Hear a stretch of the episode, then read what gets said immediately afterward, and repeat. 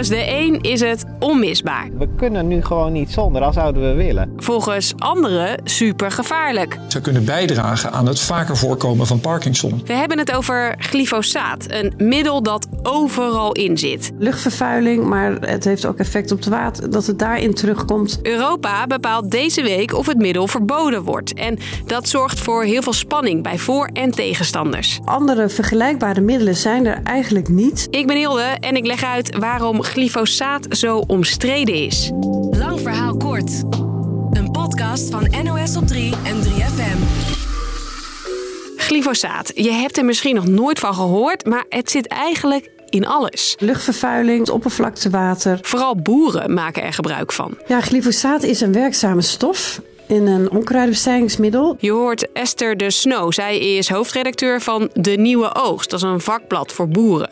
En zij volgt de discussie al jaren op de voet. Wat achterblijft op het land, maar ook onkruiden heel vaak uh, ziektedruk geven. Dus dat ze zorgen voor allerlei ziektes uh, die de teelten kunnen beschadigen. Dat spul dat werkt als een tierenlier. Het werkt eigenlijk tegen vrijwel elk onkruid, ook ondergronds. Dus onkruiden met een diepe wortel. Als je ze af zou maaien, dan zou die opnieuw groeien. Glyfosaat doodt ook die wortel. Maar niet alle boeren zijn fan trouwens. Ik vind het een beetje uh, tegennatuurlijk gemakzuchtige manier om, uh, om landbouw te plegen. Want niet alleen het onkruid verdwijnt. Ook het leven eronder het gras. Nog wat nadelen. Het is duur en het is nauwelijks afbreekbaar. Het heeft ook effect op het water, dat het daarin terugkomt, dat het in de bodem ook achterblijft. Dat maakt dat het inderdaad uh, dus schadelijk kan zijn. Het is in ieder geval geen spul wat je stiekem kan gebruiken.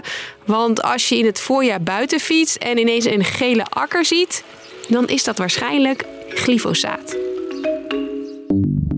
Een beetje rondspuiten met glyfosaat heeft niet alleen gevolgen voor de grond en de beestjes die daar leven, maar mogelijk ook voor mensen. Chronische blootstelling aan glyfosaat zou kunnen bijdragen aan het vaker voorkomen van Parkinson. Dat zegt neuroloog Bas Bloem. De laatste jaren kregen steeds meer mensen deze hersenziekte. En Franse onderzoekers vermoeden dat dat iets te maken heeft met het gebruik van bestrijdingsmiddelen. Wat ze gedaan hebben in Frankrijk is een kaart van Frankrijk genomen en gekeken waar Parkinson meer of minder voorkomt. Vervolgens hebben ze dat overlapt met de concentraties van landbouwbestrijdingsmiddelen in het grondwater. En dan zie je dat die twee kaarten één op één over elkaar heen passen. Nu is het niet zo dat als je een keer glyfosaat spuit, je direct ziek kan worden.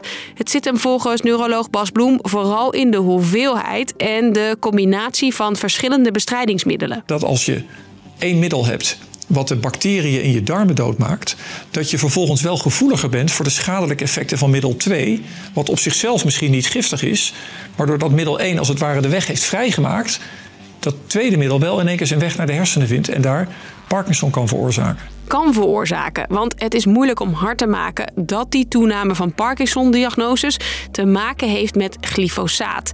Ondertussen is er geen vergelijkbaar middel. Maar de alternatieven die er zijn, die hebben ook weer hun nadelen. En dat alles zeg maar bij elkaar opgeteld is toch wel de conclusie dat op dit moment de boeren en de tuinders eigenlijk nog niet zonder kunnen. Een super effectief, maar mogelijk gevaarlijk middel, waarvan de vergunning ook nog bijna verloopt. Deze week bepaalt Europa of het glyfosaat weer voor 10 jaar goedkeurt of dat het op de lijst met verboden middelen komt. Een meerderheid van de Tweede Kamer wil af van de gele velden en zegt glyfosaat. Dat moet stoppen. En er zijn ook boeren die het middel liever in de schuur laten staan. Ze kunnen nooit bewijzen dat het echt veilig is. Want uh, het idee is dan van het is veilig totdat het tegendeel bewezen wordt. Maar het kabinet twijfelt of verbieden wel een goed idee is. En dus besloot Piet Adema, de minister van Landbouw, dat Nederland helemaal niet stemt. Het kabinet heeft besloten om zich te onthouden van stemmen. Volgens Adema is er over de gevaren van de gezondheid nu gewoon nog te weinig te zeggen. We gaan versneld een onderzoek inzetten, maar we moeten op dat punt echt duidelijkheid krijgen. Oké, met of zonder Nederland, die stemming die gaat gewoon door. Het wordt een spannende week voor Europese boeren. Ik weet dat Oostenrijk in ieder geval heeft gezegd van nou wij laten eh, het niet toe. En ook in Frankrijk moeten ze glyfosaat waarschijnlijk binnenkort in de schuur laten staan. Dat zal voor hun een, uh, een hard gelach zijn denk ik, omdat er toch heel weinig alternatieven zijn. De toekomst van glyfosaat in Nederland is dus nog onduidelijk. Maar, zegt Esther, de kans dat we over tien jaar nog overal gele velden zien, die is wel klein. Maar er zal ondertussen wel heel hard gewerkt moeten worden aan alternatieven om straks over tien jaar uh, wel zonder te kunnen.